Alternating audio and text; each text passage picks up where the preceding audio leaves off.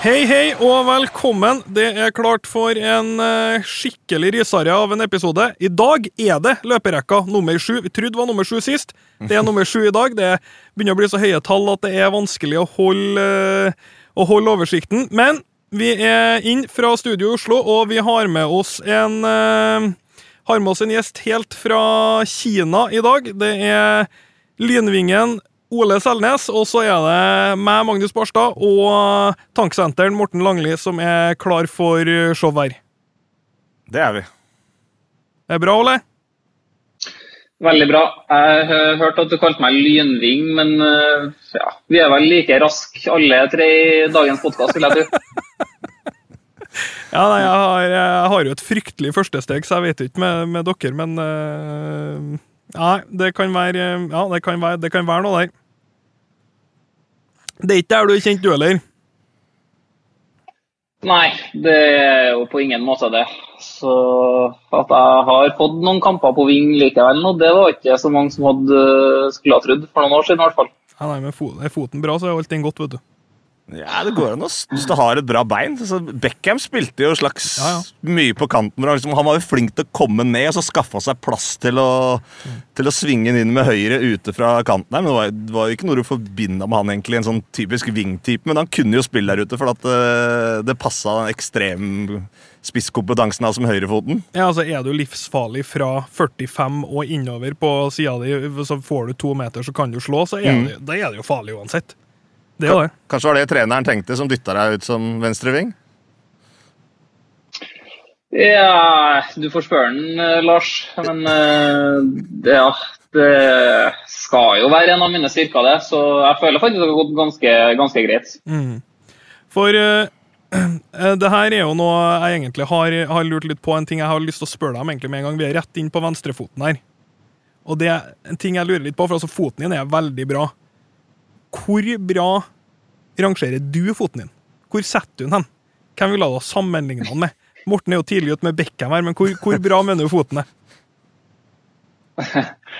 Ja, nei, det er jo veldig vanskelig å si, men uh, jeg føler pasningsfoten min er sterk. Sånn uh, til å tre gjennom ledd, uh, til å kamuflere det når jeg slår pasninger, både langs bakken og litt lenger. Føler jeg har en ganske, eller veldig sterk utseendepasning. Uh, jeg er ikke den som skyter hardest, liksom. eh, eller nødvendigvis. Jeg har ikke en enorm skuddfot, føler ikke jeg. Men føler jeg har en eh, veldig sterk pasningsfot.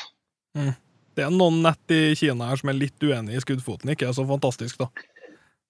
Ja, Og der har jeg, jeg har faktisk truffet godt siden jeg kom hit, det, det skal sies. Det, jeg vet ikke om det er flaks eller ikke, men eh, der har jeg faktisk overgått meg sjøl. Ja, Bra, da. Men hvis du skulle eh, være så tøff at du sier en du føler at du er i samme boks som, da. Hvor, hvor, hvor føler du ligger hen? Uh, nei, hvilket bein har vi? Jeg skal ikke begynne å dra fram David Beckham. Det er kanskje den beste foten i historien. Det blir for dumt. Eh, ja, Hvilke føtter eh, er man har i, i dagens fotball som er, som er ekstrem, da? Nei, det Kan ikke komme på noe. det er bare klesk, bare klesk fram Juninho med en gang, ikke sant? Nei, Han har for syk, eh, syk skuddfot. La, la meg være eh, altså Det minner jo mest om uh, Pirlo, selv om han har selvfølgelig en bedre fot. Men han har en sterk pasningsfot, og den han er kjent for, ikke kanskje skuddfoten. Det er lo veldig lovlig sammenligning, det. Ja, det er greit. Ja, det er junior, da, det skal sies. Juniorversjon. Pilo junior. Du har jo tatt håret nå. Du, Ja, hadde, jo, du hadde jo det gående for deg lenge òg, at du, hadde, du kjørte liksom Pilo-stilen helt ut.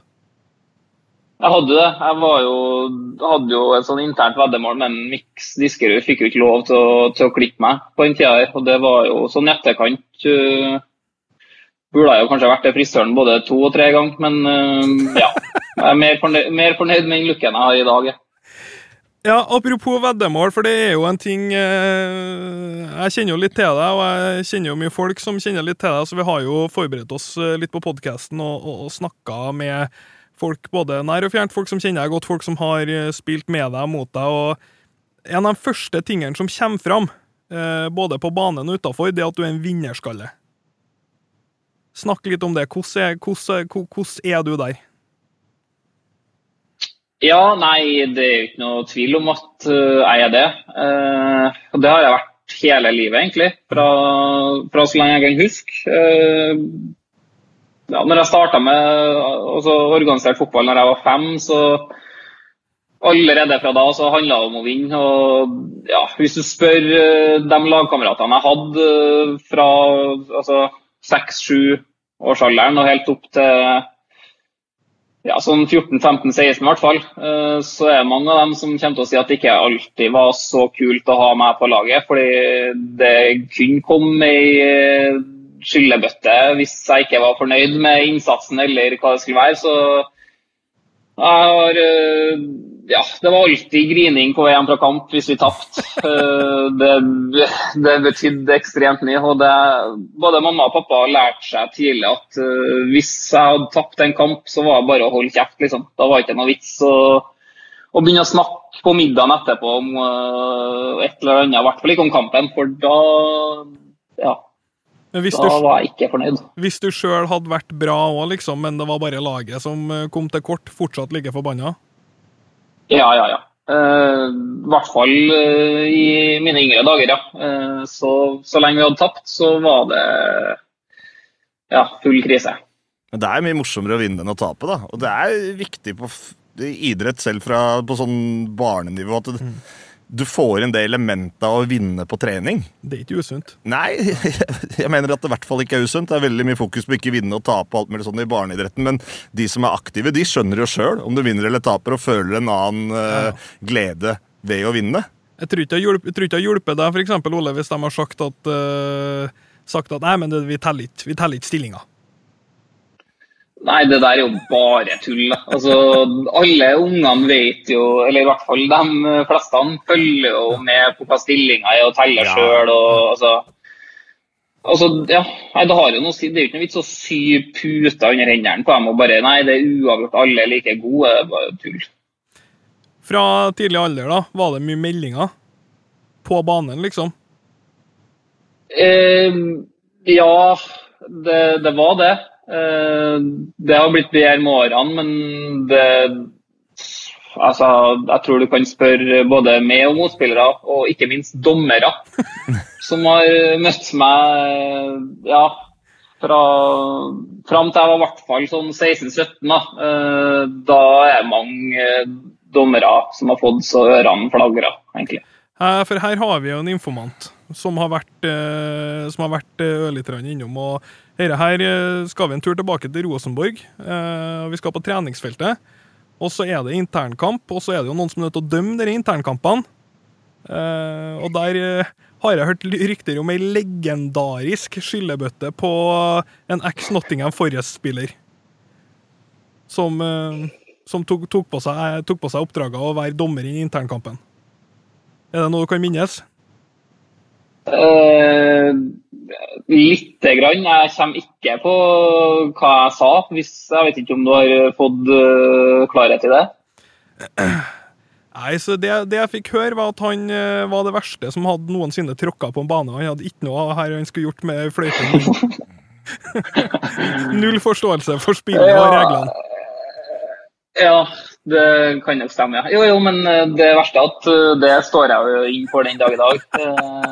For det, Eh, kanskje ikke spilleforståelsen uh, sånn som styrken til vedkommende. Så akkurat der så var jeg vel på ball. Ja, det... det, er litt sånn som trener noen ganger òg. Jeg har gjort det mange ganger selv, at På trening, hvis du vil ha den der ekstra gutsen eller tenninga, ja. at du kanskje dømmer litt ja. dårlig med, med, vilje, kanskje mot han, hvis han veit at han da er den som, som, klikker litt, for å få den der ekstra trøkken og intensiteten akkurat i den økta. Hvis, litt, hvis, det er dere er, hvis det er dere ute etter. Mm.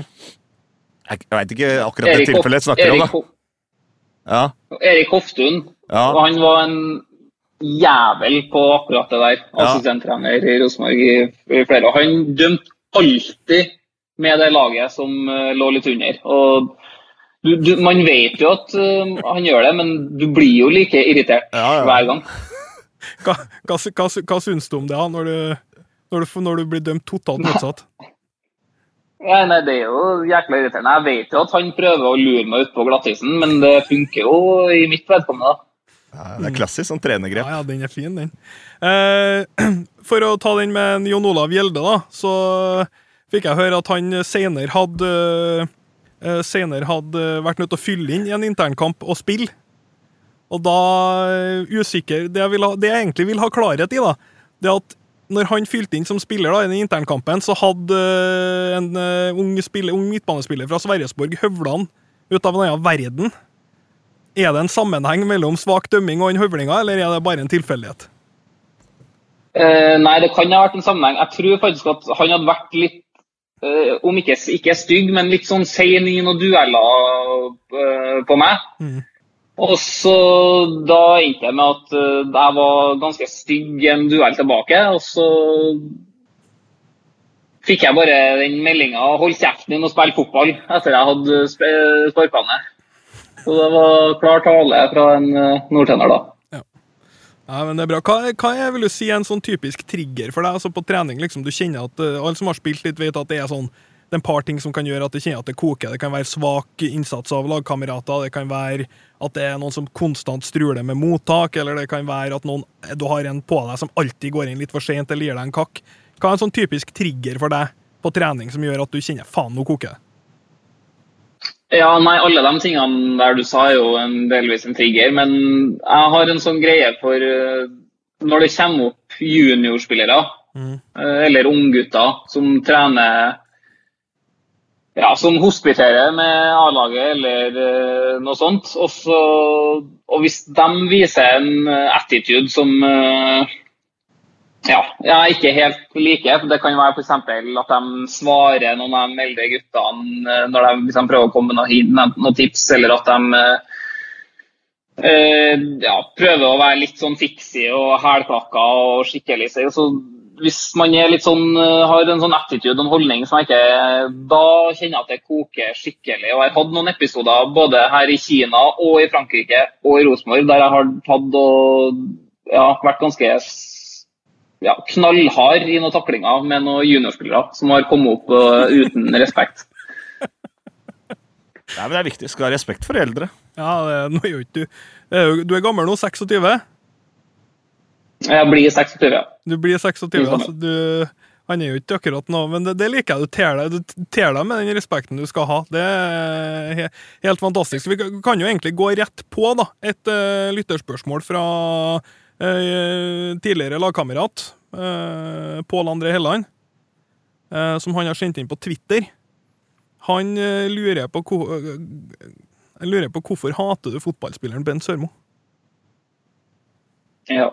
Nei, altså det, det er jo god timing på det spørsmålet der, da, for å si det mildt. Eh, Han er jo akkurat i den kategorien jeg sitter av her nå. Ung junior som kom opp og hospiterte med A-laget. og ja, Noe av det første han gjorde på sin første trening, var å dra en sånn elastico på Mikke Dorsin. Og liksom, altså det gjør man jo bare ikke som eh, Og bare helt sånn eh, dribler og skikkelig litt sånn eh, nykka. Og så hadde det gått litt mot Jeg tror vi spilte 11 mot 11. Det hadde gått litt mot eh, laget mitt, så jeg var liksom ja, Det var på vei til å renne over allerede. da. Og så er han en litt sånn irriterende spiller med ja, som sagt, sånn Elasticos og Rabonas og sånn på sine første treninger. Det blir Da går det svart til meg. Og så mottar jeg ballen og skal vende opp, men jeg har ikke orientert meg. Og da kommer han og snapper ballen eh, rett fra meg. Og da og så ser jeg at det er han som snapper nå. Så når han snapper nå og skal sette fart framover, så tar jeg bare og rett og slett sparker den ned i leggen. Eller sånn legger knehøyde bakfra. Skikkelig sånn tott- skikkelig sånn Totti-nedsparking. Så det er kanskje den styggeste jeg har hatt i karrieren. Det var ikke noe sånn farlig. eller noe. Han fikk jo, Det gjør jækla vondt da, å få ei i strak rist i, i bakleggen. Så han eh, lå jo ned og rulla litt og sånn. da. Det er jo litt artig. I, den dag i dag så er jo han en av mine beste kompiser, men eh, vi flirer godt av den historien der eh, ennå. Lærte han leksa? Ja, ja, altså det var på vei til å koke over fra før, men det at det var han, det var det, var det som var ekstra ille. Nei, det var ja, Det er bra. Det er godt å høre at dere har, eh, at dere har gjort opp i ettertid. da. Det er jo noe vi kan, kan sette pris på, selvfølgelig. Eh, Du eh, kan jo holde litt på de litt tidligere dagene. Du er jo en, eh, en av de få som har gått hele den melkeruta på, på yngres landslag opp til toppen. Du har kamper U16, U17, U18, U19, U21. Egentlig eh, ganske mange kamper på alle nivåene. Um, hvis jeg stiller spørsmålet fra dem altså Hvis du tenker tilbake til helt tilbake til U16, da, har jo Tenk på de lagene der. Hvem var som var på landslaget i den generasjonen? Som, og hvor mange av dem hang med på turen oppover? Eh, Det er faktisk et par. Jeg husker på de aller første på de aller første G16-samlingene så var det jo meg, eh, Mohammed Elonussi, eh, Ohi i Molde. Eh, eh, Veton Berisha. Eh, alle dem har vel A-landskamper. Ja. Eh, også I tillegg har du spillere som f.eks. Jonas Grønner. Han spiller jo i Ålesund nå i Eliteserien. Thomas Grøgaard i Eliteserien. Så det, det er ganske mange fra det laget der som har fått en, en karriere. da. Ja. God årgang. Ja, en forholdsvis eh, sterk årgang. Ganske mange som har eh, Alle de navnene der var med egentlig hele veien opp, og noen har eh, ja, fått A-landskamper òg, så ja, det er ganske bra, det. Morten, du så jo en, Ole spille tidlig, du. Ja, jeg gjorde det. Jeg drev jo jobba som trener en periode i Oslo her i ungdomsfotballen. Og så hadde jeg en kompis som trente Bjerkealliansen. 94 gutter der. Og da spilte de en sånn eliteturnering for guttelag på Valle. Hvor var det svenske lag, Vålerenga med, og det var bra nivå på den turneringa. Og da spilte han finalen mot Bjerkealliansen. De tapte faktisk, tror jeg. Hvis jeg ikke husker feil, så var han kaptein og sendte han midt på det Rosenborg-laget. Sigurd Rostedt spilte på det Bjerkealliansen-laget. Bruno Leite var vel også i den, mm. den årgangen der. Så det var, det, var, det var bra nivå på den matchen. Du så jo allerede den gangen at han hadde, hadde mye fotball i seg og god venstrefot og alt det greiene der. Det er mulig han ble litt forbanna den dagen òg, hvis jeg ikke husker helt feil. Hvilket år snakker vi? Og det er ti år siden, tenker jeg. Vil, jeg tro at, eh, vil jeg tro at det var. Ikke sikkert han husker det, da. Nei, det kan vi jo finne ut nå. Jo, jeg, jeg, jeg husker den turneringa her, faktisk. Uh, ja, jeg husker uh, at vi møtte Jeg tror vi møtte Vålerenga i semifinalen. Ja, Dere var ganske overlegne i semien, tror jeg. Ja, jeg tror vi vant 3-4-0 i den Ja. finalen. Nei, i den semifinalen. Ja. Uh, og så husker jeg Ja. eh, jeg, visste, jeg husker ikke hva det laget vi møtte i finalen het. Det, og det trodde jo vi skulle bli en sånn walkover, så at vi tapte den kampen, det husker jeg faktisk ganske godt ennå. Da, det var det var tungt der og da. Det, da var ikke jeg fornøyd. Nei, det må jeg ærlig innrømme. Hvem var som, det var Rosenborg du spilte på, da? Det var Rosenborg, ja. Hvem var som var med på det laget? Det, jeg tror ikke det var jo, Jeg tror jeg var eldst, så jeg tror det var 94-95. Eh, så det er ingen som spiller Jeg tror Kanskje Sørloth var med. Mm. Okay. Det er jeg usikker på. Eh, Men bortsett fra, fra det, så tror ikke jeg det er noen som har eh, som spiller eliteserie eller høyere. For å gå litt tilbake til de eh, årsklassene der på landslaget sånn, hvem eh, Hvis du tenker tilbake, hvem er den, liksom, den spilleren som du på et tidlig tidspunkt der når du kom på samling tenkte faen, han her blir god, og så ble det ikke det? Um, Eller kanskje ikke så god som han skulle ha blitt, eller du tenkte, da. Det kan jo være, kan jo være flere Ja. måter. Ja, nei eh, Altså, jeg tenkte, jeg husker på G16 og G17 i hvert fall, så hadde vi en keeper fra Brann, eh, Øystein Øvretveit. Han var, han var sjukt bra for, eh, for alderen. Uh, sto både på vårt landslag og på landslaget over. Han var steinbra. og Nå tror jeg han er i Obos-ligaen eller uh, noe sånt. Og ja, jeg var ganske sikker på at han skulle bli bedre enn det. Samme med en annen som var en stor stjerne på de lagene der. Det var Martin Rønning Ovenstad. Han spiller Han tror jeg nå Han var i Godset, Mm. men jeg tror Tilbake ikke han ja. har eh, klubb nå. Han var i utlandet en periode, var han ikke det? Lurer på det. Jo, han var i Østerrike en tur. Mm. Uh, men jeg tror kontrakten hans med Godset har gått ut. Jeg er litt usikker på det, men uh, Han er klubb, klubbløs, ja. Stemmer det. Ja, han er klubbløs. Eh, Han òg trodde jeg skulle eh, Han har jo mange kamper i Tippeligaen, sånn, eh, han òg trodde jeg kanskje skulle få en karriere i utlandet. Men eh, ja. Når man er 16-17, så er det jo, det er jo vanskelig, å, vanskelig å spå. Det er jo fortsatt mye, mye jobb som skal gjøres. Hvilke faktorer vil du si fra den alderen, hvis du er en bra spiller i den alderen, hvilke faktorer vil du trekke fram som de viktigste for å gi seg sjøl en god sjanse til å lykkes?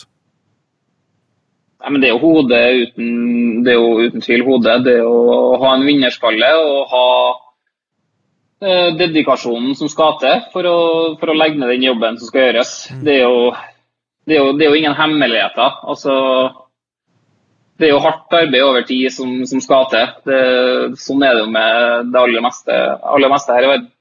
Evnen til å holde seg skadefri i den alderen her. altså Trent mange spillere som er sånn 13-14, så ser du dem er de klart beste på laget i den tida. Kanskje de er litt tidlig fysisk utvikla Mm.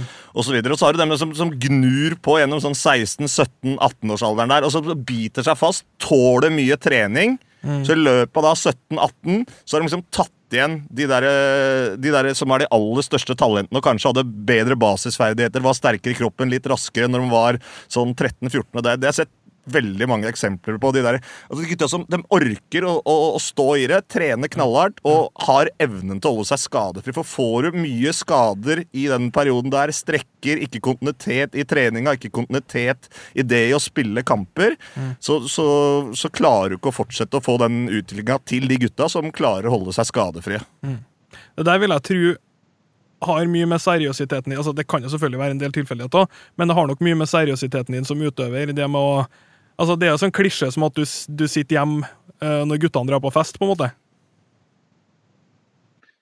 Ja, det er jo absolutt det. Og, og samtidig så jeg har alltid trent veldig mye fra jeg var veldig ung. Altså, jeg har vært i aktivitet, eh, masse aktivitet hele livet. Altså, fra jeg lærte å gå, liksom, så har det alltid skjedd ting rundt meg. Og jeg holdt på med fotball, håndball og gikk på ski faktisk fra jeg var veldig, veldig ung. Så det, det, har alltid vært mye trening fra tidlig alder. Og da Da tror jeg at kroppen tåler mer den treninga som blir. Eksempel, når jeg gikk til Rosenborg da jeg var 15, så ble det jo mye mer fellestreninger. Og hvis du ikke har trent så mye fram til det, da, så tåler du kanskje ikke den treninga som kommer de neste årene. Men jeg hadde trent veldig mye og gjort veldig mye forskjellig, så kroppen min tålte den treninga godt. Og så er det jo som du sier at eh, jeg var veldig, jeg var veldig seriøs. eh, tok eh, mange valg som Eller jeg prioriterte alltid fotball først.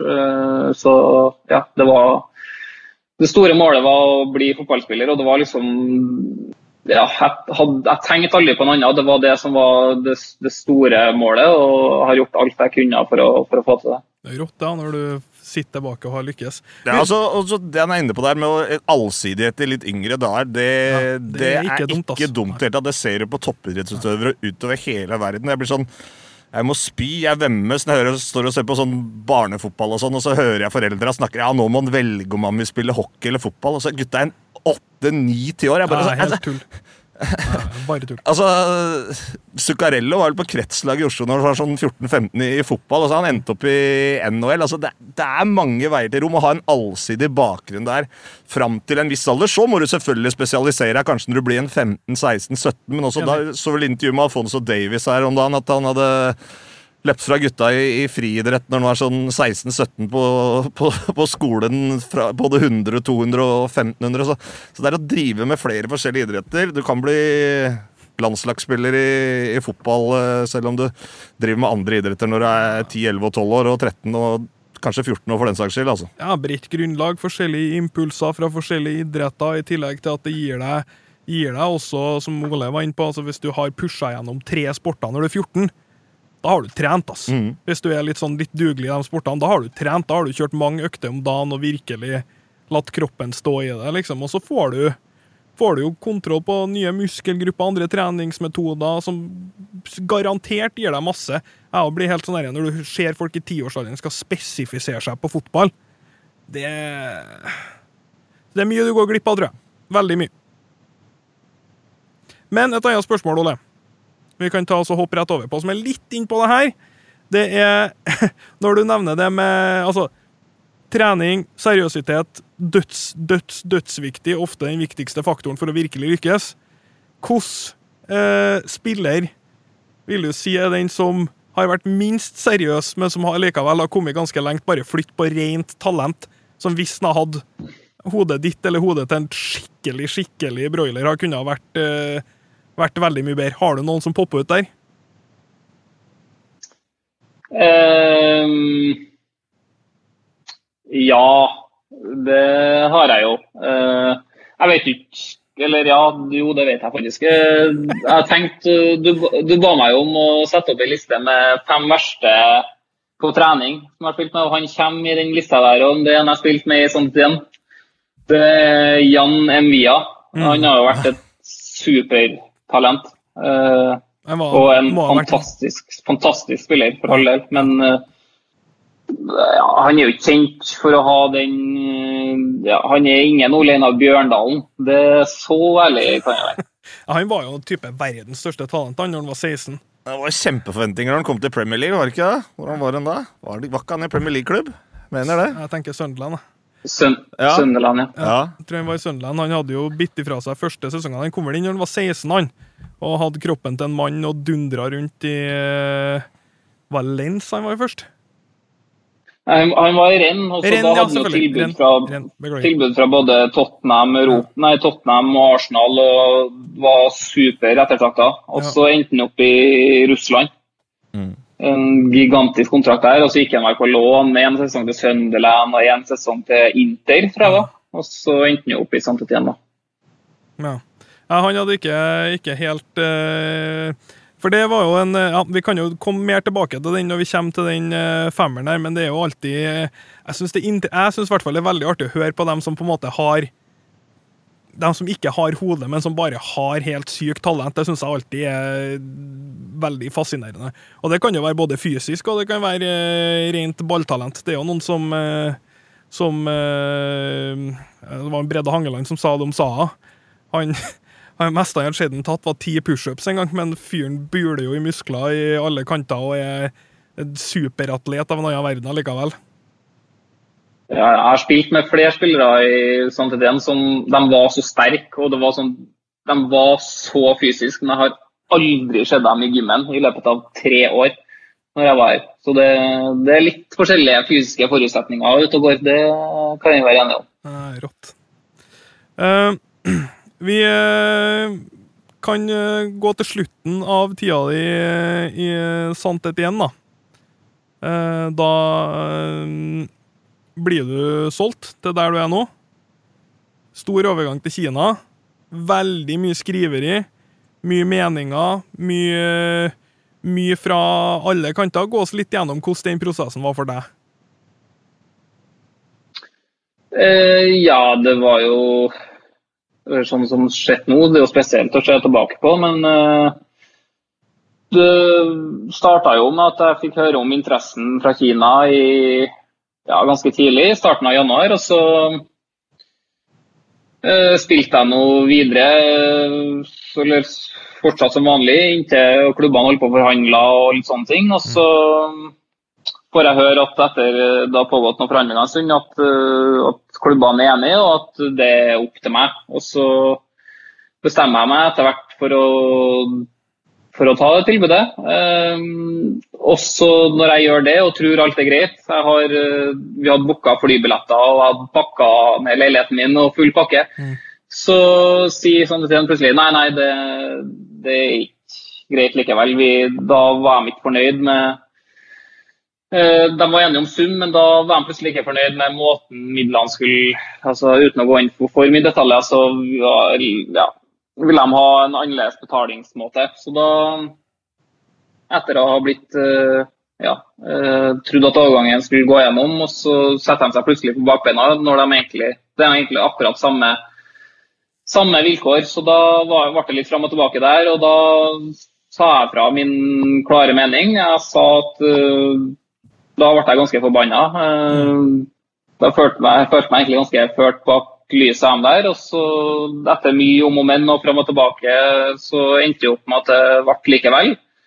Og da, når det ble overgang, så valgte de jo å, å hive meg under bussen uh, på en pressekonferanse etterkant her og si at uh, de ikke hadde noe annet valg enn å selge meg, fordi jeg hadde sagt at hvis dere ikke selger meg, så, så går jeg ut i streik og, og sånn. Det er jo bare tull. Uh, den siste gangen jeg snakka med dem, så hadde vi jo en fin tone og alt var greit. Uh, og så ser jeg plutselig at de uh, gjorde det der for å redde sitt eget skinn. For det var jo ingen som Vi lå jo veldig godt an på tabellen. Og det var liksom veldig sånn greie at fansen krevde egentlig at ingen fra førstelaget skulle selges. Så når det var spekulasjoner om at jeg skulle bli solgt, så, så var de veldig sterkt imot det. Så da ja, for å se bedre ut sjøl, så sa han at de ikke hadde noe valg. og jeg har jo forståelse for det, på en måte. Det er jo veldig kynisk, men det er jo sånn bransjen er. Så, sånn er gamet. Og sannhet igjen, de har punche fans, altså. Mm. De er, eh, det, er, det er ordentlig trygt der. Åssen var det å spille lokaloppgjørene mot Lyon? Ja, det er helt, helt fantastisk. Eh, jeg har vanskelig for å tro for at det er mange kamper i Europa som overgår som overgår uh, stemninga i de kampene der. I hvert fall uh, i, altså i Saint-Étienne. Uh, de, de fansene er de beste i Frankrike, uten tvil. Og når Lyon kommer, da er det, da er det galskap. Ja, da koker det. Så er det jo alltid den seine kampen på, på søndag da, på fransk TV. Jeg har sett den flere ganger. Jeg var faktisk i Frankrike den gangen Søderlund avgjorde der. Da var han jo på forsida av L'Equipe og greier eh, dagen etterpå. Da var, da var det stor skjerm. Og Saint-Étienne er en stor klubb i Frankrike. Jeg tror egentlig ikke folk i Norge veit eh, med historien der og tradisjonen og den perioden de hadde hvor de var et ordentlig topplag. og det var veldig dedikerte. Og jeg har faktisk en Saint-Étienne-drakt hjemme, for jeg var på plass og kommenterte Rosenborg, Saint-Étienne, den gangen, eller Saint-Étienne Rosenborg, den gangen jeg jobba i TV 2. Det var mm. Hamren som trente dem da, tror jeg. Og da pleier jeg som sånn suvenir på steder her, så kjøper jeg med meg en drakt i supportershoppen, og så bruker jeg den til å trene med, eller, eller liggende. Det er ganske mange drakter etter hvert. Altså. Har du noe navn bak? Nei, ikke noe navn. Ikke noe navn. Den, er, eh, den, er, den er nøytral, men den er fin og grønn og hvite striper. Ja, fin drakt. Fin drakt. Ja, for det der, det der er jo en øh... det var jo veldig mange som stussa på selve overgangen. og Overskriftene de raste jo. Jeg vet ikke jeg vet jo ikke hvordan du er som type. om du er, Jeg kan ikke forestille meg at du har nesa helt ned i media og følger med på alt og irriterer deg, men for oss som sitter rundt og ser på det, sånne sånn som meg, jeg ble helt sykt irritert av det konstante skriveriet om at han er grådig, han velger pengene, han bla, bla, bla, bla, bla. Hvorfor går ikke han til Premier League? Hvorfor går ikke han til den og den klubben? Og sånn som jeg Sånn som jeg tenker, Du kan kjøre litt innspill på men det bare, det er jo ikke så forbanna enkelt. Det er jo ikke som at du konstant sitter med ti tilbud foran deg. Nei, på ingen måte. I hvert fall ikke Noen spillere gjør kanskje, kanskje det, men uh, spillere av mitt uh, kaliber de gjør på ingen måte det. Så ja, altså det er det som sier, som folk tror, at det er liksom at det er bare å velge og vrake til enhver tid. og det var sånn da jeg husker det var mange som sa ja, men herregud, du kan jo bare gå dit nå, og så kan du gå til Kina når du blir 31. Som om det liksom bare er å, å plukke et, et, sykt tilbud fra Kina hver eneste dag, liksom. Det, ja, det, det viser jo bare at folk, en del folk som mangler kunnskap om hvordan det fungerer. Så ja. Um, det var et, et tilbud som jeg har følt at for en spiller for meg, en defensiv midtbanespiller eh, Det er ikke veldig ofte, det er faktisk utrolig sjeldent at sånne typer spillere som meg får sjansen til å gå til, til Kina. Eh, så jeg har følt at det var et for godt tilbud til å si nei. og ja, Jeg er fortsatt utrolig glad for at jeg sa ja. Jeg har trives utrolig bra her og har hatt et utrolig bra år. Så ja, jeg er fornøyd. og så det er jo litt sånn at uh, det var utrolig mye reaksjoner i ei uke, men mm, Så gjør det seg. Ja. ja, så gir det seg. Og det, det virker ikke som det er så mange som stusser lenger nå, på en måte. Så, men det kan ikke jeg bry meg om heller. Jeg tenker nå på meg sjøl og, og, dem rundt meg, og så får jo folk ha meninger. Det er jo det som gjør eh, fotball herlig òg, at folk bryr seg. Så det har jeg full respekt for. Og så for må jeg nesten ta mine valg eh, ja, av å tenke på meg sjøl. Hvordan vurderer du nivået på ligaen? Eh, Hvis du sammenligner med, med, Norge, med Frankrike, altså de, de andre stedene dere har spilt? Mm. Ja, nei, det, det, er jo en dårligere liga enn Frankrike. Ja. Eh, og så en bedre liga enn Norge. Ja. Eh, det, men det som er spesielt med ligaen, er jo at at uh, du har som regel fire spillere på laget som er ganske mye bedre enn uh, enn resten på laget. Mm. Uh, men ja, de fleste klubbene her har fire fantastiske utlendinger. Altså, det er liksom Hulk, Texeira og Oscar. Altså, det, det, er utrolig mye gode spillere her som man får bryne seg på. Og så ja, den enkle, enkle å si at ligaen er bedre enn den norske og dårligere enn den, enn den mm. franske. Mm. Det blir litt som MLS, da. Så der også har jo det der, for der ser du egentlig spillere som har spilt på nivå i Norge. Ja er på laget, men så ser hun spiller side om side med Gerard, Kaka, ja, Drogba. Ja, ja. Altså Folk som har vært verdensklassespillere. Altså, det, blir, det blir jo litt av det samme. Der får, der får du Øyvind Alseth, som plutselig spiller Nå roterer på backen til Ranheim, som plutselig har eh, fem kamper på rad i MLS med serievinnerne og mannsmarkerer Kaka i en match, liksom. Det, det er ikke at Øyvind Alseth er noen dårlig spiller, men det, det er noen voldsomme voldsomme svingninger. liksom i, Du har en verdensmester, og du har en som hadde tenkt han skulle spille på Byåsen og studere litt på si, liksom. Mm. Det er ganske, ganske spennende opplegg, det. Eh, vi tar også bytter bitte litt gir, så skal du få et uh, lytterspørsmål til. Og det er fra Martin Kvamvold. Uh, et Kvamse7 på Twitter, som, uh, eh, som gir deg et dilemma. Eh, der du må nå velge et utfall. Eh, du smiler bra her nå, så det, det lover godt. Dilemmaet er Ville du enten ha hatt den pingen du har nå, i Kina, når du skal da eh, spille, spille, online Jeg har hørt at du er en, eh, du er en ivrig Fortnite-spiller, men det får være som det. Vil du enten ha den pingen du har nå i Kina, eller møtt dama en gang i 14 dagene? Uh, jeg antar at dama ikke hører på podkasten, så du trenger ikke å være soft der. Ja, det var akkurat det jeg skulle si. At uh, dama vet ikke om podkasten. Og jeg har ikke sagt at uh, jeg skal være med på en podkast til hun, mm. så det blir uh, uten tvil å ha god ping.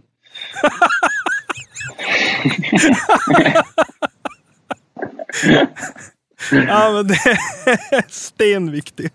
Veldig, veldig, veldig bra. Eh, Rosenborg. Snart ny sesong. Eh, jeg skal ikke stille det evigvarende spørsmålet når kommer du tilbake, for det, det får du styre helt fint sjøl. Men du er jo glad i Rosenborg, og du har uh, mye meninger rundt klubben. Du har vært der, du har vokst opp i den. Uh, hvordan syns du det ser ut nå? Eh, nei, det er jo vanskelig å si, ja, men det blir jo veldig spennende. Jeg gleder meg til det starter, så man får fulgt med litt. Eh, jeg må jo si at eh, ja, jeg har ganske store forventninger. Eh, de har fått jobba ganske lenge nå med, med det prosjektet her. Eh, så jeg har absolutt forventninger om at det skal se, se mye bedre ut. Eh, og at alle vet jo at det er bare gull som er, som er godt nok. Så, sånn er det å være i, i Rosenborg. Det er høye forventninger, men sånn er det bare. Så det blir veldig spennende. Per tilbake, tanker om det? Ja, det er jo, det er jo sykt kult. Uh, først og fremst en utrolig god spiller som kommer til å heve både laget og hele produktet Eliteserien. Og for det andre så er han jo en stor stjerne. altså alle trøndere elsker Per Siljan. Altså, alle trøndere har et spesielt forhold til han. føler jeg. Han var liksom det supertalentet som slo gjennom når han var ung og herja i Champions League. og, og sånn, så ja, Han kommer til å løfte, både, løfte, klubben både på banen og utenfor banen. Mm. bra. Veldig Og veldig, jeg synes det er veldig, mm, veldig fint å legge deg på ei sånn veldig grei list her nå. Sier ikke noe vi, vi, vi, vi, vi legger ikke ut noen bilder av brakka som brenner akkurat nå. Det er veldig, veldig fint. Nei, nå kan jeg ikke det. Nå er en av mine beste kompiser er jo- styrer jo sjappa nede per nå, så nå må jeg trå forsiktig. Mm. For det var neste spørsmål. Det skulle egentlig være eh, hvor, hvor, altså, hvor mye trua har du på Dorsin? Og prøv å svare som at han ikke skulle vært en god kompis her. Ja, nei, jeg er jo, som du er inne på, veldig inhabil her, da, men eh, jeg har alltid sett på han som en uh, veldig sterk fagmann eh, når det kommer til fotball, og i tillegg er han utrolig flink med folk. Er, det er veldig viktig, den rollen der òg. Han er sosialt eh, ekstremt sterk. Han er god med folk.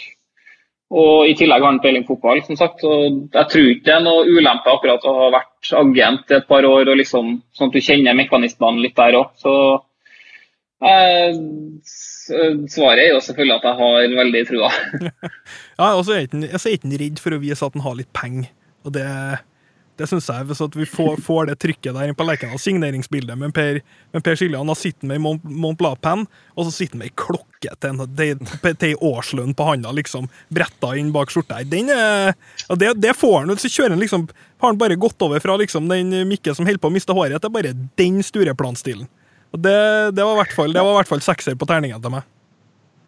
Men det, det ingen vet her, da, det er jo at den Mont Blanc-penna det er gave fra meg.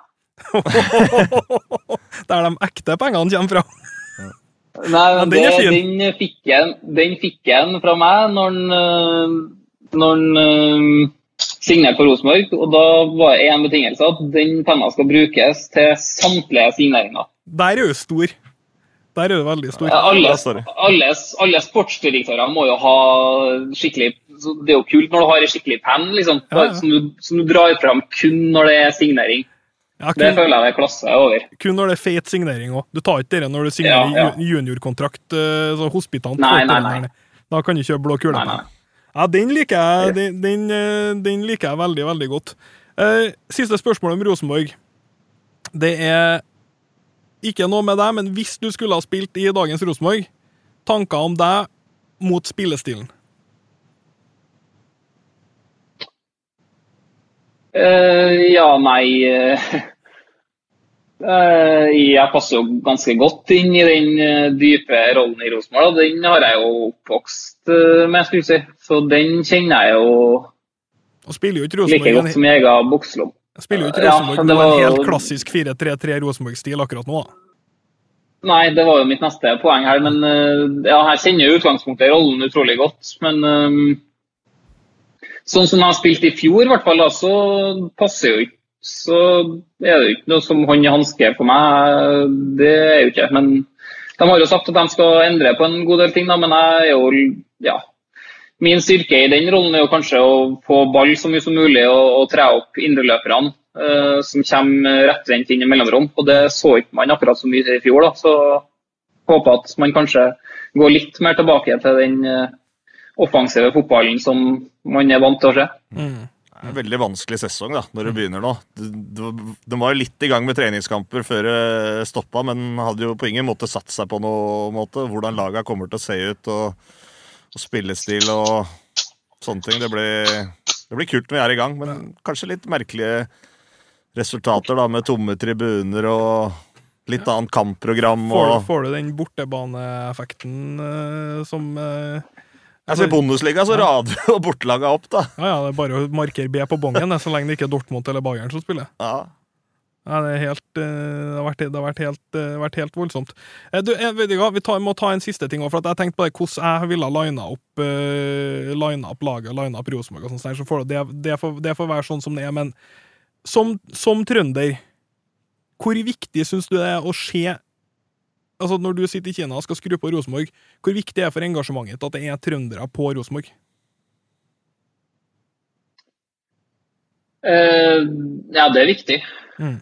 Enkelt og greit. Um, altså, jeg tror alle skjønner at det ikke blir 11 sånn som det var en, en gang i tida. Men uh, å ha ja, man bør klare å ha to-tre. Altså, det, det, mener jeg bør være et eh, minimumskrav. for det, det er viktig for meg som sitter og ser på, TV, på, på TV men Jeg tror det er enda viktigere for dem som, som drar på stadion. Ja. Uh, så det, det, mener jeg rett og slett er viktig. og ja, jeg mener at uh, det har vært litt en tabbe de har gjort. At uh, hver gang de har hatt penger mellom hendene, så har det vært veldig vanskelig for uh, unggutter å, å slippe det. Mm. Det er jo ganske naturlig. Ja. Men hver gang de har slitt litt, så har unggutter fått sjansen. Og ja, det har jo gått Hver gang unggutter har fått skikkelig sjansen, så har det jo gått utrolig bra. Det,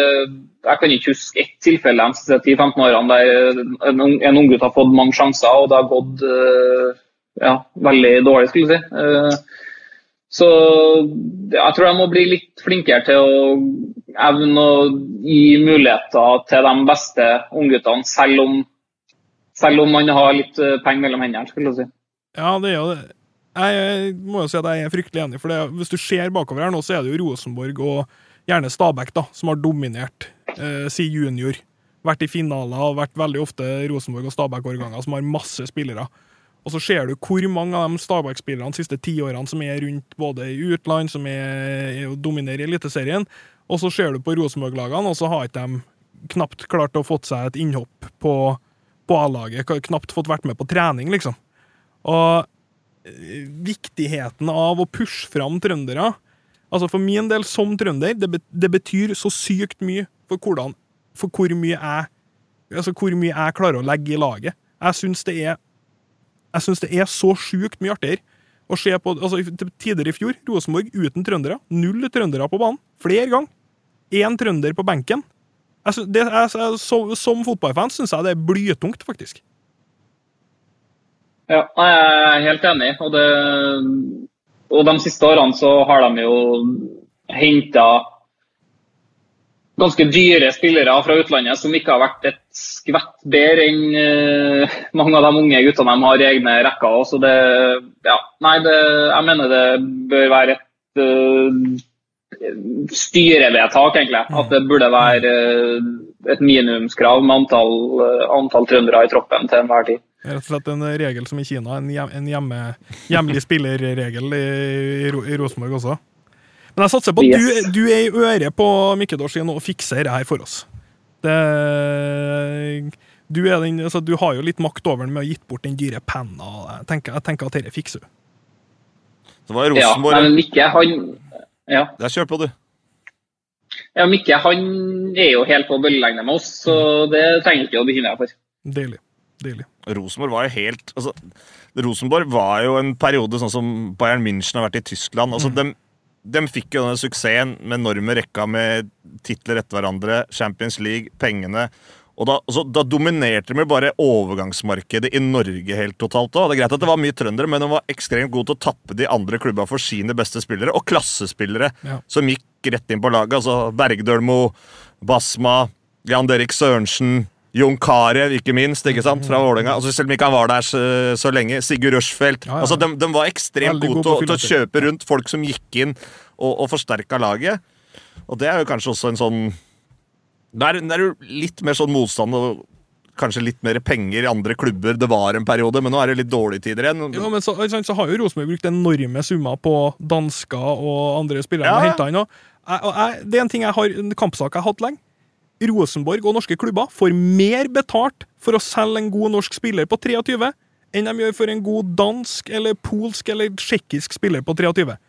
Det, jeg syns det er mye mer verdt å putte pengene i altså, Hvis jeg har vært på toppen, hatt mest penger, så har jeg gått hardt etter de beste eliteseriespillerne.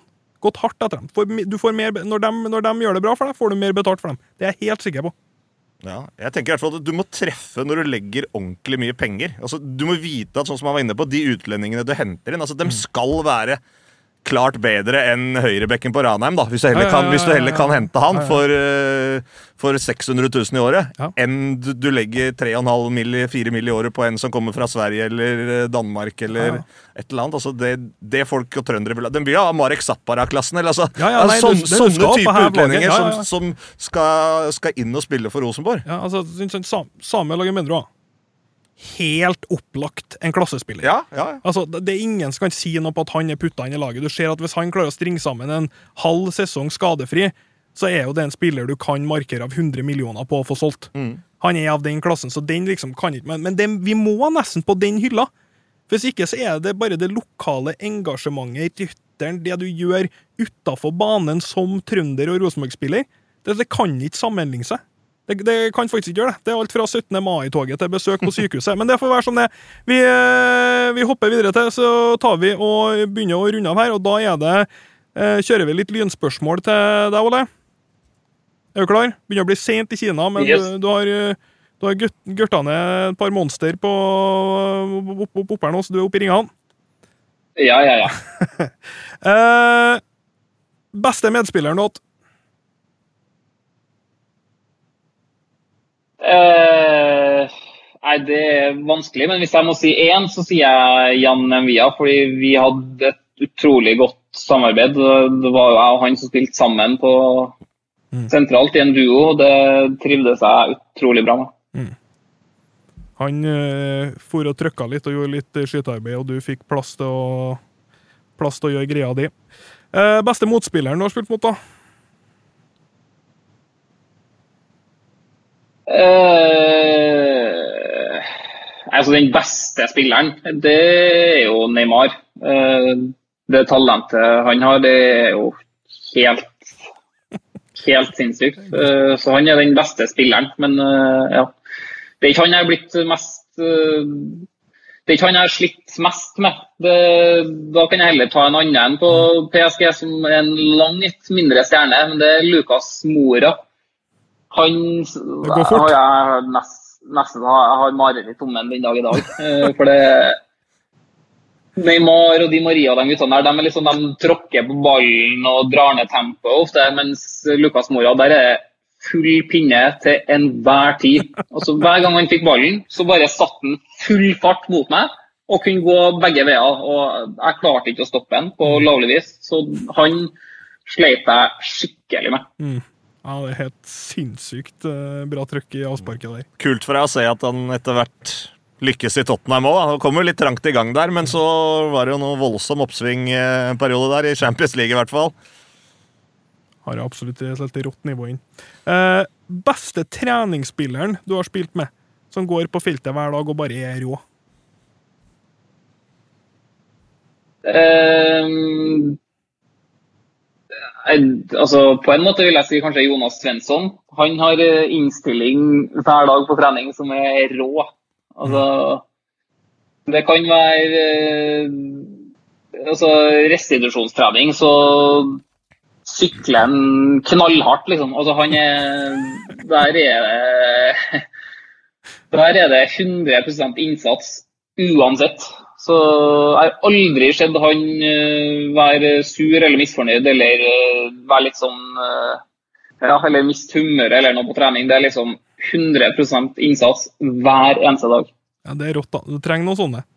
Eh, spiller Ja. du er mest overraska over hvor god karriere har fått.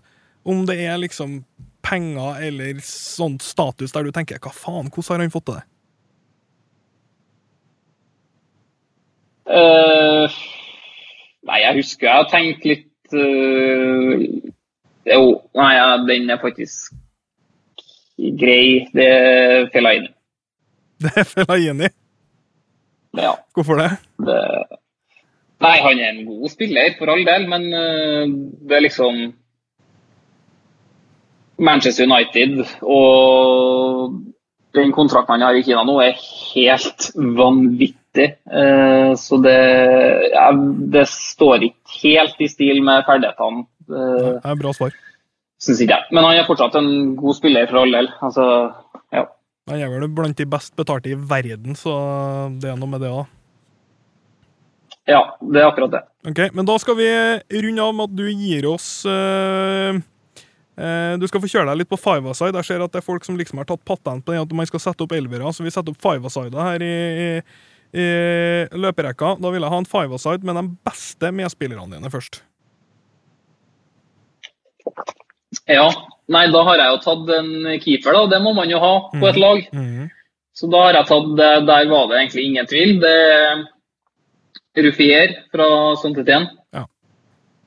Han, han er styggod, rett og slett. Eh, med en gang jeg kom til klubben, så fikk jeg høre at vi har den beste keeperen i Frankrike.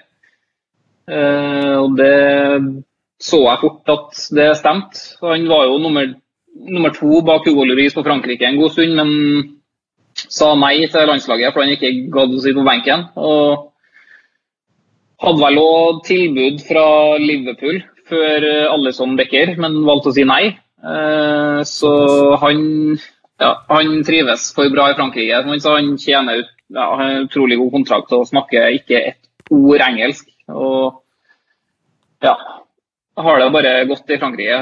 En utrolig god keeper. Mm. Videre har jeg en forsvarsspiller. Det er òg fra Saint-Étienne. Det er William Saliba. En ung gutt. Han er klar for Arsenal. Uh, for 30-40 millioner euro. Ja. Um, helt utrolig fysikk. Uh, alle kom opp og trente med oss når han var 16 og sprang opp og dytta bort alle. Litt sånn van Dijk-fysikk. Så jeg er veldig spent på å se. Han har litt å gå på med ball.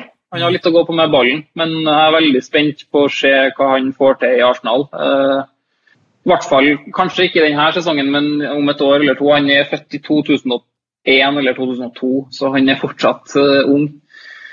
For håper han ikke er skadeutsatt. Uh, ja, han har ikke vært det ennå, i hvert fall. Han skal til Arsenal, altså. Ja. Nei, altså Videre har jeg gått for Jan Envia. Var litt inne på han i sted. Hadde et utrolig godt samarbeid med han. Og så har jeg Martin Ødegaard. Spilt mye med han på yngres landslag og A-landslag, og han er dritgod. Jeg gleder meg til å jeg gleder meg til å se han de neste ti årene. Ja, det, finnes, det, er ikke så mange grenser for hvor langt det kan gå, egentlig. Og så har jeg måttet tatt en spiss, og da har jeg valgt Joshua King. Han er jo utrolig, utrolig god. og den jobben han gjør for landslaget og den han har gjort for landslaget de siste årene, det, den er utrolig bra. Han, han er litt sånn Jon Carew, at han kan binde opp et forsvar litt på egen hånd. Så utrolig god spiller. Bra lag. Ja, det var solid lag, det. Ja, ja. Du skulle fått det mye, mye, mye trøkk og punch der, og så har du Ødegaard som glir imellom. Eh, neste, da. Det er litt mer under, bu under bussen. Det er, vi var inne på det i sted, verste treningsspillere. Eh, få five-a-siden din med verste treningsspillere. Altså, det må ikke være dårlige spillere, men det er folk som er sjokkerende på trening. Ja, nei, Der sleit jeg litt mer, da, men jeg har valgt ut et par. Uh, og igjen da, så kommer jo Jan Envia sitt navn opp. Uh, og det er fordi jeg har også valgt å ta med en Wabbi Kastri, spiss i Saint-Étienne. Eh, kaptein på Tunisia og har vært i Sunderland og litt sånn. Også en utrolig god spiller. De to var, Han er jo luksusspiller. Ja, de to var kanskje de to største stjernene i sånn, når jeg var her. Mm. Uh, utrolig god, men det var ikke alltid ja, Det er som du sier, det er litt luksus. Uh, I hvert fall på Ikke når det kommer til kamp, da er det full innsats, men i løpet av ei treningsuke så var jeg ja, jeg, jeg kunne bare komme inn på trening på en onsdag. eh, og så har vi en sånn lounge attmed garderoben og gymmen, der det er liksom sånn sofagruppe og TV og kaffemaskin. Og jeg kunne bare komme inn på trening jeg, på en onsdag, og så lå eh, Envia og Kastri i hver sin sofa med hver sin cappuccino, og der lå de hele dagen. De, de var ikke med på trening. Det, det skjedde seriøst ofte. At, eh, at de bare Nei, i dag, i dag eh, ikke noe trening i dag. Litt vondt i et eller annet. Så lå de bare på sofaen. Og da hadde vi jo en trener da, som var hadde skikkelig sånn Phil Jackson eh, Altså, han evna å, å se spillere og skjønne hva som var beste på laget, så han, han tillot det. Og vi andre spillerne tillot det òg, for vi visste at de var jævlig gode, og vi visste at når helga kom, så ga de 100% og de var, og de var gode. Så da ja, det, ble det egentlig bare helt akseptert at uh, en gang iblant så bare sto de over trening, rett og slett, og lå på sofaen. Det er artig. Altså, De spillerne her må jo ikke være eh, Det er jo ikke bare om de er slapp, men som også kan være litt sånn Jeg, var ikke så god på trening. Det går jo også an. Ja.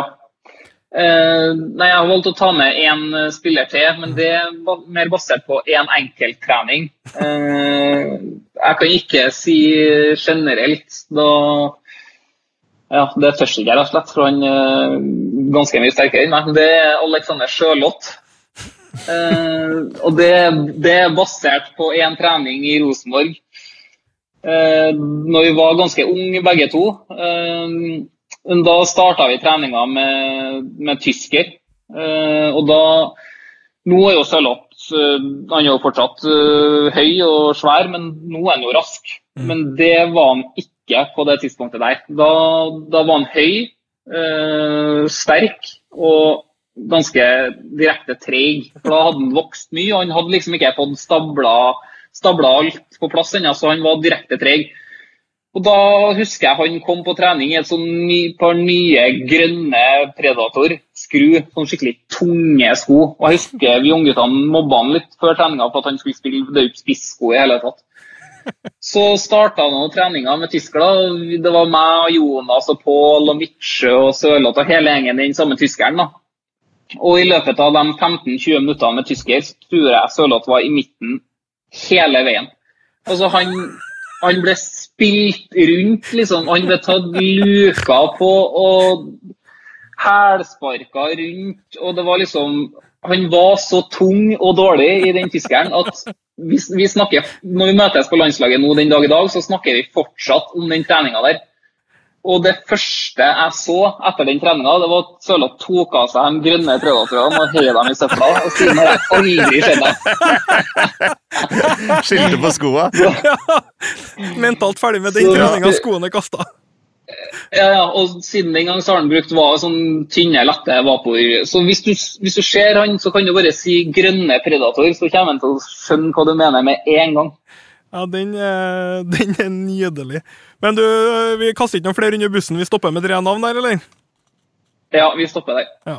Siste vi har, det er five aside sjanseløs. Den kan du ta så fort du drar deg gjennom. Du hadde Lucas Mora på ene, ene startingplassen. altså Det er et five aside lag der eh, de spillerne er der du tenker sånn som du tenker med Mora. bare, Faen, den her får ikke jeg tak i.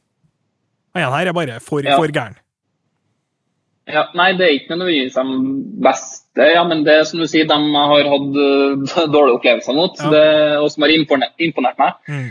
Det er da Lucas Mora, som sagt, og så er det Moussa Dembélé. Mm. Eh, et monster av en spiller. Mm. Helt, de har en ryggtavle som er på areal med Russland, og i tillegg god teknikk. Ja, og, Så og da han var en spiller som Brede Ja. sa, han, ikke, han trener ikke styrke. Ja, nei, det, ja, nei, det Noen har det bare. og han er jeg, jeg, jeg kan ikke forstå annet enn at hvis han hadde holdt seg skadefri, så hadde han vært i Real Madrid eller Barcelona. Jeg kan ikke forstå noe annet, for han er, han er god. Eh, neste er da Tony Cross. Mm.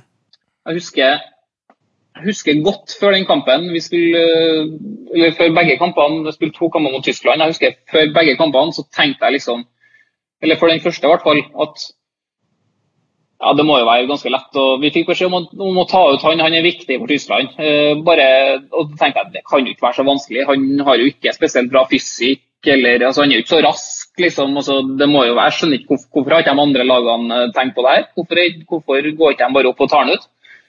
Og ja, altså Jeg kom ikke opp inn én gang i løpet av 90 minutter. For det, Han beveget seg litt ned mellom stopperne, litt ut til høyre, litt ut til venstre. Og hver gang han fikk ballen, så hadde han en perfekt første touch. Og han kamuflerte sånn at du visste aldri hva han skulle gjøre. Altså, han hadde så gode toucher. og liksom bare, Han tok av press med første touchen hver eneste gang. Så ja, det var umulig å komme inn på han. Så ja, utrolig spiller. Er. Neste er Rashford. og Det er litt på samme vis. Han er egentlig akkurat samme som Lucas Mora. Det var bare full fart hver eneste gang. Og da klarte jeg å henge på, rett og slett. Og den siste Alex Texeira. Eh, spiller jo i Kina. Mannen som hadde tilbud fra Chelsea og Liverpool, men som snudde på flyplassen i London når tilbudet fra Kina kom. Han eh, er ja, litt samme som Lucas Mora og Rashford. Han er utrolig rask, og så har han sinnssyk teknikk. Og så er han veld, veldig lav har et lavt tyngdepunkt, sånn at du, du kommer liksom ikke inn i kroppen på han. Han er sjukt god spiller. Det du sier om Kroos der er interessant. Jeg har sett noen ganger også, både på Tyskland og på Real Madrid når han var på sitt beste der. sånn som Altså som du forklarer At han dikterer tempo i kampen med hva han gjør. Altså han går ned henteren, og så slår han kanskje kort, og så plutselig slår han framover, enten kort eller langt, for å sette i gang angrep. Det er fantastisk. Sånn, det er litt sånn som Pirlo, det, da, med pasningsrepertoaret.